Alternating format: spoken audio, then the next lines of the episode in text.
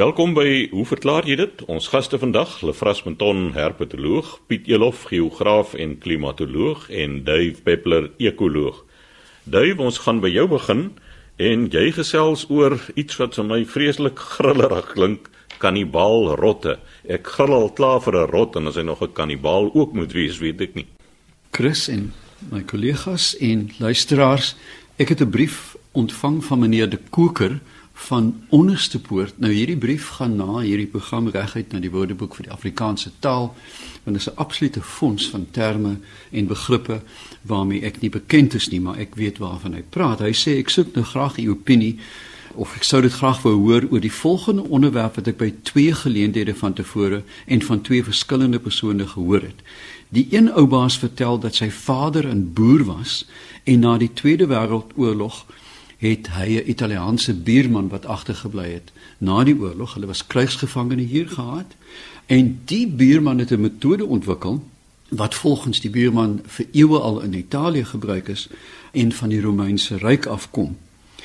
En dit was om rotte uit te roei. Nou ja, boere weet dat as jy 'n skuur het en daar's voer in, is daar rotte. Ons weet dit selfs in die stede meer as dit.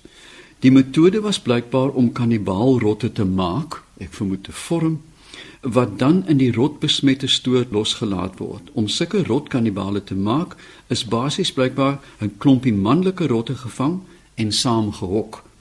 Aanvanklik gee hulle kos en later neem hierdie kos weg, maar gee hulle net water. Dan begin die sterkstes die swakkes doodbyt en opvreet totdat een wat oorbly dan uiteraard 'n mannetjies rot. Hierdie rot wat oorgebly het, is skynbaar 'n massiewe monster as gevolg van sy vleisdieet En hierdie rot is dan, hy noem dit hier in aanhalingstekens 'n killing machine, 'n moordmasjien wat soos 'n roofdier reageer, besete, mens vermoed met bloedbelope oë en kwyl wat dan in die rotbevolking van die stoor losgelaat word. Die rot gaan dan lukraak en vreet en byt alles dood voor totdat hy in 'n stadium oorweldig word. En dan word die status quo herstel en dan vorm jy weer hierdie rot. Maar wat vir my so mooi is, hy vertel nadat die rot nou losgelaat het, is die familie genooi met plakkies om die voortvlugtende rotte dood te slaan. En dat ek pragtige tekeninge, die kinders het takkies gehad en die vrouens en die dogters het groot plakke gehad van blou draad wat jy dan blykbaar die voortvlugtende rotte mee doodslaan. Dis 'n pragtige volksvertelling. Nou, kom ons begin dan net met wat bedoel hy met rot uiteraard want daar is heelwat rotte. Nou ja, dis 'n medium grootte langstert knaagdier van die superfamilie Muroidae. Nou, daar's twee bekende plaagrotte. Die een is natuurlik van die genus Rattus, die swartrot, Rattus rattus, die een wat die swart doodgedra het, en dan die Noorweegse rot, Rattus norvegicus. Hulle is albei oudwêreldrotte. Hulle kom uit die Midde-Ooste en Asië, vanwaar die builepes dan ook Europa betrek het. Hulle staan bekend as kommensiele spesies, die wat saam met die mens kom. En mens vind reg oor die wêreld soos die huismossie en die Europese spreeu en 'n paar duifspesies en kraaie dat die rotte val onder hierdie groep wat saam met die mens beweeg. Hulle dra 'n hele aantal patogene. Daar is heelwat siektes soos Leptospira organismes, Toxoplasma en Campylobacter. Met ander woorde, die swart dood was een van hierdie organismes wat hulle gedra het wat deur vloeie versprei is wat op die rotte gewoon het en so is 'n reuse aantal van die Europeërs uitgeroei en ons ken die geskiedenis van die swart dood al te goed. Nou rotte het wel gebruike En dit is as troeteldiere, ek het my absoluut doodgegril vir my een dogter wat so 'n pink oog gerot gehad het wat deeldag op haar skouer gesit het en na bed geslaap het. Ek kon dit nie verduur nie. Maar in die wetenskaplike omgewing is die rotfamilie natuurlik uiters belangrik as proefdiere omdat hulle hele genome bepaal is. Jy kan vir jou interessantste rotte geneties manipuleer, een met bewerasie, blinde rotte, dowe rotte, vet en maar rotte. Jy kan eintlik vir jou 'n tipiese rot bestel en hy sal geneties vir jou gemanipuleer word. Maar hulle is ook belangrik in sielkundige studies van die begintye af het mense besef dat die rotte is baie slim en hulle is vindingryk. Ons weet hoe 'n rot teen 'n draadjie kan uithardloop. Lefras, jy met duwe sal weet dat jy om 'n duifhok rot vas te kry, is 'n baie moeilike taak. Hulle kom in. Hulle is vindingryk, hulle is aggressief en hulle is ook aanpasbaar. Jy weet jy kry rotte met dik velle of dik hare eh, laag wat in vrieskaste byvoorbeeld kan oorleef. Hulle pas baie gou aan. Maar dan ook baie belangrik as sielkundige model as jy rotte saamgooi, dan begin hulle mensagtige gedrag vertoon. Verbaas my glad nie. In baie lande word dit goed geëet. Ek onthou onlangs was ek in Malawi en as jy noodry van Lilongwe staan langs die pad die uh, susati stokkies ingeruig met die mees afstootlike liggaampies. Jy snorrebade is afgebrand, die tandjies soos my pa gesê het long tong en pee op 'n stokkie en dit word met groot gesmak opgeëet. Dan ook die reuse Afrikaanse rot is 'n landmyn sniffer, die Chrysotemus gambiensis. Ek het dit al gesien, is 'n groot rot. Hy so lyk soos 'n huiskat, word baie mak en jy kan vir hom 'n harnasie aantrek en leer byna soos 'n snufhond om landmyne. Dis nou wel wat hy's lekker ligvoetig. Hy hy trap die landmyn nie af nie en dan wys hy daar met sy voorvoetjie en sy pinkvinger of wat ook al en dan kry hy natuurlik nou 'n stukkie wortel of wat ook. Ek dink dit is 'n baie oulike idee. Hulle grootste impak uiteraard is as indringer spesies waar hulle eilande beset. Ons weet Marion het groot probleme gehad. Baie eilande, Hawaii is vernietig deur rotte toe die Polinesiërs dit um, beset het in die jaar 1100 dink ek. Die rede hoekom hulle sulke potensiële indringers is is dat hulle ontsaglik vrugbaar is en 'n paar kan tot 5 werpsels die jaar produseer. Elke werpsel met 10 tot 14 kleintjies. Die kleintjies word volwasse in 5 weke. Hulle lewe vir 3 jaar En dit beteken as jy die somme maak, dan kan een rot 15000 nasate per jaar produseer want dit werk op 'n logaritmiese skaal. Maar nou na die vraag toe. Ja, ek is bekend met hierdie stelsel van rotte, maar nie uit Italië nie, maar wel uit Amsterdam waar die rotte dan in kuile aangehou is en dit het bekend gestaan as die moordrat. Nou die kuile is 'n besienswaardigheid. Jy kan dit nou nog in Amsterdam gaan besoek waar die rotte dan omvorm is van 'n skelmrot na 'n moordrot. En dit was blykbaar baie baie suksesvol. Ek meen dit is 'n gruisame eksperiment as jy dink hulle gooi 500 rotte in 'n gat en wag tot een oorbly. Jy kan jou die stank voorstel en die geskree en geraas. Maar dan is natuurlik ook hierdie tipe rot natuurlik diep ingevleg in die mense verbeelding. Jy verstaan daar's altyd stories in New York se rioolpype is daar is agtige rotte. In Swede is daar selfs 'n storie van 'n ratzilla wat blykbaar so 'n moordrot is en onlangs is 2014 was daar 'n reuse storie in die Engelse pers oor 'n passasiersskip, 'n verlate passasiers vol ratzillas wat blykbaar afgedryf het op 'n groot Engelse stad. Jy weet, en mense was heeltemal paniekbevange. So, ons kan hulle beheer deur 'n moordrot te vorm. Ek sou dit nie voorstel nie. Ons het al 'n bietjie aanbeweeg. Maar ek dink 'n mens moet begin met sindelikheid. As daar nie kos rond lê nie, kan rotte nie bestaan nie. En jy weet as jou voedselvoorraad goed toegesluit is, jy kan uiteraard 'n aantal katte aanhou. Hulle is uh, baie effektiewe en oulike rotvangers. Jy kan buite die gebou uilhokke en uilstokke aanbring en dan Laastens indien jy dan gif wil gebruik, maak absoluut seker dat jy die regte gif op die regte tyd teen die regte toediening. Dit is werklik baie belangrik. Ek dink ter afsluiting, alhoewel rotte wêreldwyd 'n pes is, moet 'n mens hulle bewonder want hulle is sulke fabelagtige oorlewers.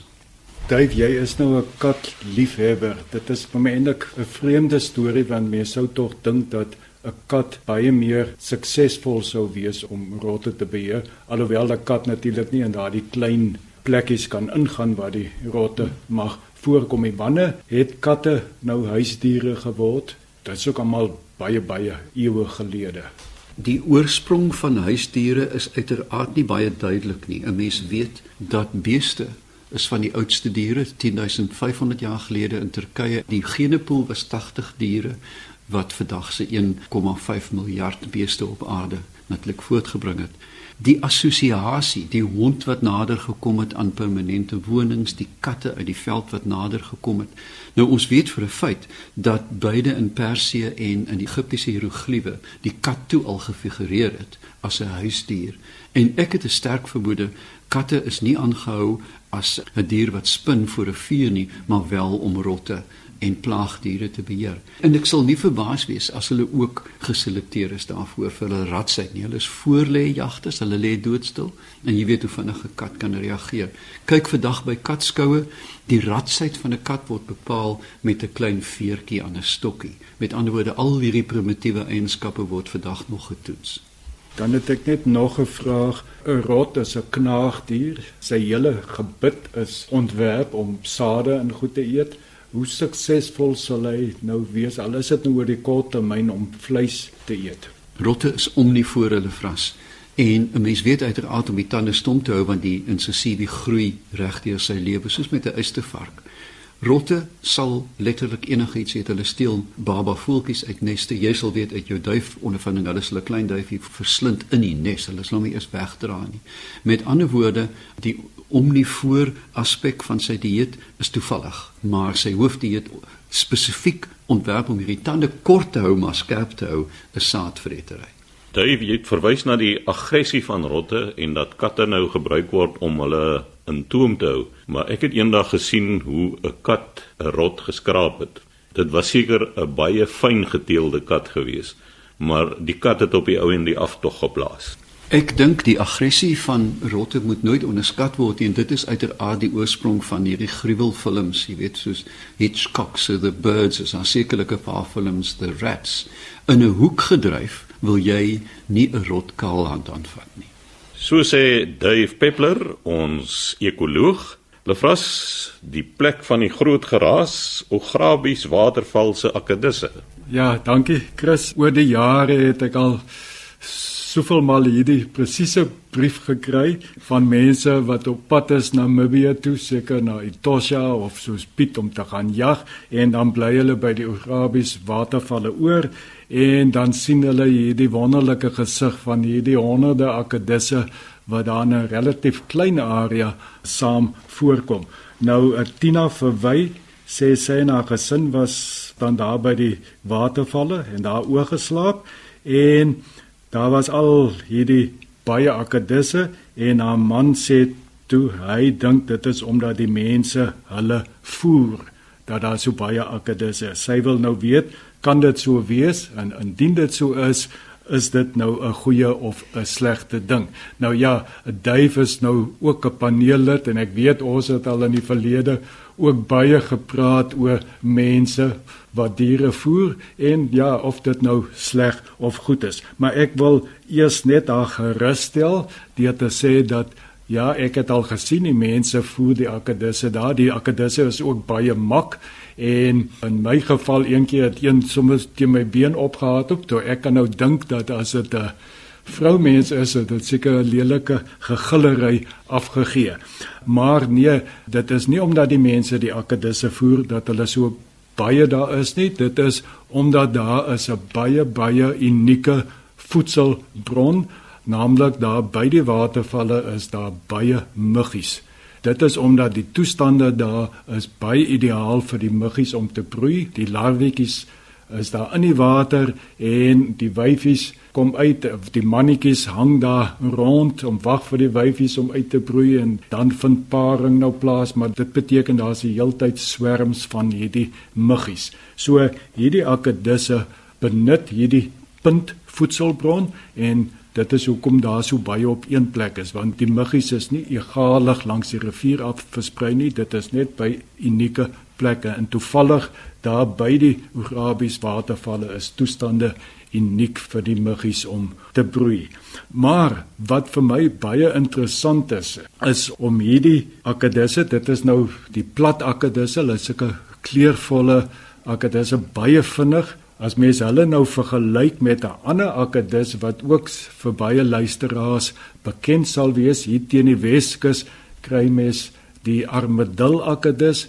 Hy is nou weer eintlik presies die teenoorgestelde. Hy is stekelrig, hy stadig en hy maak ook van 'n puntbron gebruik. Dit is rotslewende akedussies hierdie, maar hulle gaan weg van die rotskere af en dan gaan eet hulle termiete en so hierdie termietpoorte of gate, die voedingspoorte, daar's so mos klomp termiete so die akkedus kan daar gaan sit en in 'n kort tydjie kan hy hom dik eet. Nou sal mens dink nou hoekom hierdie twee uiteenlopende morfologieë. By Grabies waterval is die akkedisse plat en baie vinnig. Van hulle die mannetjies is helder gekleurd en die armadil akkedis is nou weer uh, swaar gepantser. Albei gebruik 'n puntvoedselbron. En as mens mooi gaan dink daarby oor Grabies is die akkedisse daar op daardie bar en rots oppervlaktes. Dit is groot rotse en hulle is eintlik ver van skuilplekke. Daar is skere, maar dit is 'n redelike entjie gewoonlik van waar hulle sit om te eet. So as daar vyande is, roofvoëls spesifiek, enigste manier wat hulle kan ontsnap is deur vinnig te hardloop na skuilings toe. En dan ook om daardie muggies te vang, moet hulle letterlik in die lug inspring en een muggie na die ander uit die lug uit vang. En dis moet hulle baie rats wees. Maar so muggies of 'n muggie is ook baie klein baie kleiner as 'n termiet.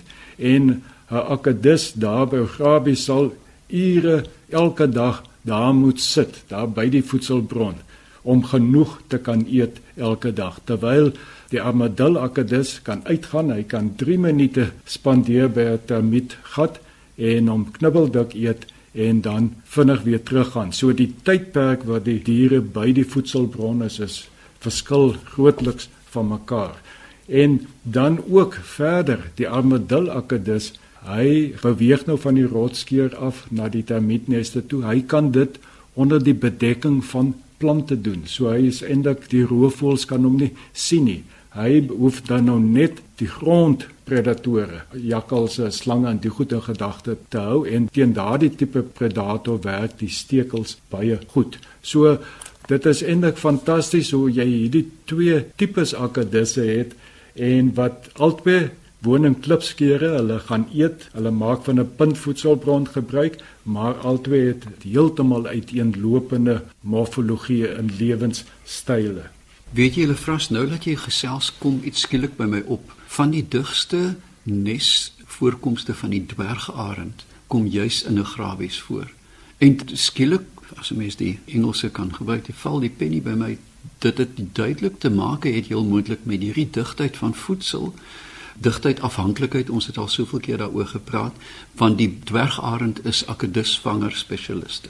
So ek wil sommer net afsluit om net weer iets dalk te sê oor waaroor die vraag uiteindelik gaan of dit nou is omdat die mense die diere voer of dit nou goed of sleg is. Ek wil seker nog maar dat Dave dit sê maar dit voel vir my as mense in 'n stedelike omgewing bly is dit nie so 'n probleem nie. Dit is elkeen se kans om 'n bietjie met die natuur te doen te kry. Maar as mens in die veld is, dan dink ek is 'n ander saak. Daar by Ograbies byvoorbeeld, daar's die blou apies kan ook pestilensies wees en kapunt moet bobbejane, dan is dit verkeerd, maar ek voel nie so sterk daaroor in stedelike omgewing nie. Ek stem volmondig saam, Lefras. Jy weet as mens kyk in die Kaapstad se hawe, jy kan nie chips eet sonder dat 14 seemeeu dit uit jou bord uitpluk nie. Dit daar moet jy stop. Maar as jy 'n seemeeu in Beaufort Wes kry en hy lyk vir jou 'n bietjie holkies te, kan jy seker maar vir hom 'n stukkie skuifie gee. Nou ja, dit was dan Lefras Meton wat gesels het oor die akkedisse van die geografies waterval. Laaste aan die beurt Piet Elof, ons geograaf en klimatoloog. Jy gesels oor die ontstaansrede van dorpe. Ja, dankie Chris. Eintlik is ek besig om spoed op te tel om 'n vraag wat uh, Divan Naid Woesterheid van ons gevra het oor waarom kwyn sekere dorpe en waarom groei ander. Ek dink wat ek vandag net wil doen is om so 'n bietjie stil te staan en aandag te gee aan die ontstaansredes van dorpe. Nou ons het 'n klassifikasie van verskillende soort dorpe en ek gaan dit vlugtig dan nou vandag net behandel en 'n bietjie kommentaar lewer daaroor voordat ons gaan kyk na waarom van hierdie dorpe groei en na ander dan kwyn. Nou een van die ontstaansredes van dorpe, ons praat van militêre dorpe en in Suid-Afrika is daar ook voorbeelde daarvan. Gramstad, King Williamstown, Fort Beaufort, selfs Simonstad. Nou hierdie dorpe is gewoonlik goed geleë ten opsigte van die gebied waaroor hulle moet beheer uitoefen. En daar die eerste paar dorpe wat ek genoem het, sal die luisteraars weet, is in die Oos-Kaap en daardie dorpe is eintlik daar gestig om vermoedelik ons Britse settlers wat daar aan wal gestap het te beskerm teen moontlike vyande. Dan natuurlik het ons ook handelsdorpe wat gewoonlik gestig word daar waar 'n saamloop van verkeersroetes is en bergpasse of rivierkruisings. Nou in Suid-Afrika het ons nie werklik goeie voorbeelde daarvan nie. Dan natuurlik nywerheidsdorpe. Dis te danke aan die totstandkoming van 'n fabriek, byvoorbeeld Sasolburg in Sekunda waar daar petroleum uit steenkool uit vervaardig word en dan ook as ek kan noem hier in die Weskaap 'n uh, goeie voorbeeld is Ashton waar daar groot vrugte inmaak fabrieke is. Myndorpe natuurlik waar daar verskillende delfstowwe ontdek is. Gewoonlik is hulle redelik geïsoleerd die ligging. Hier kan ek by uitstek noem Kimberley vir diamante Okiep Sishen Johannesburg self goud. Wat gewoonlik kan gebeur is dat wanneer hierdie delfstowwe uitgedien is of nie meer voorkom nie dat daardie dorpe dan kwyn daar. Is ook voorbeelde in Namibië van sulke dorpe wat eintlik nou spookdorpe geword het. Plekke natuurlik soos Kimberley en Johannesburg het in die tussentyd van funksie verander en is nie so seer meer net 'n myndorp nie maar hulle dien ook ander funksies vir die omgewing spesifiek dan vervoerdorpe spoorwegdorpe die Aar Touwsrivier waar daar nou nog 'n paar van ons ou lokomotiewe in skure staan. Ongelukkig is die spoorweë nie meer so aktief betrokke by die vervoer van goedere nie. Bitterfontein is 'n ander klein plekkie wat ek aan kan dink waar ons spoorlyn hier al amper sê langs die Weskus opgehou het en daarvan af was dit dan nou padvervoer en so voort. So hawe dorpe, Kaapstad, Port Elizabeth, Oos-London, Richards Bay, Durban, Saldanha is goeie voorbeelde van sulke hawe dorpe. En dan natuurlik ook het ons vissersdorpe gestig met die oog op kommersiële visvangs natuurlik. Meeste van die tyd is hierdie dorpe gestig waar daar 'n beskutte inham is. Hier dink ek aan Veldrif, ek dink aan Lamberts Bay, ek dink aan Paternoster, ek dink aan Gans Bay en selfs die strand. 'n Volgende kategorie sou ons kon noem ontspanningsdorpe, gewoonlik in 'n aantreklike natuurlike omgewing. Stilbaai, Hartenbos en dan natuurlik 'n hele aantal dorpe in die Natalse suidkus.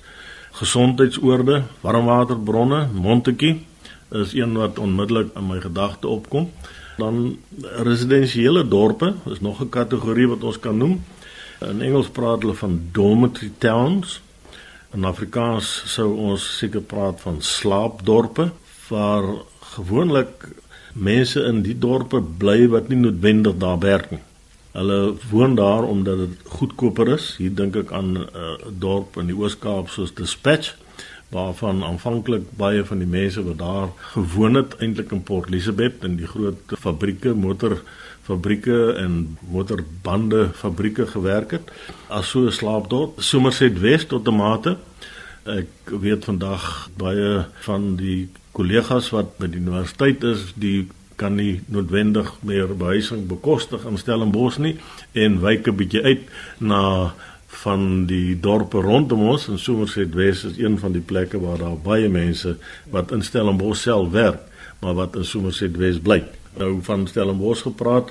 Ons praat van opvoedkundige dorpe en dis nie noodwendig die rede vir die ontstaan van 'n plek soos byvoorbeeld Stellenbosch nie, maar die hooffunksie in daardie dorpe wat eintlik 'n baie dominante funksie is, is juis dat dit nou 'n opvoedkundige sentrum is en Stellenbosch het ek genoem. Ons kan praat van Gramstad self wat 'n uh, sogenaamde universiteitsdorp 'n belangrike funksie daar speel en selfs Alice ook 'n universiteit wat daar voorkom.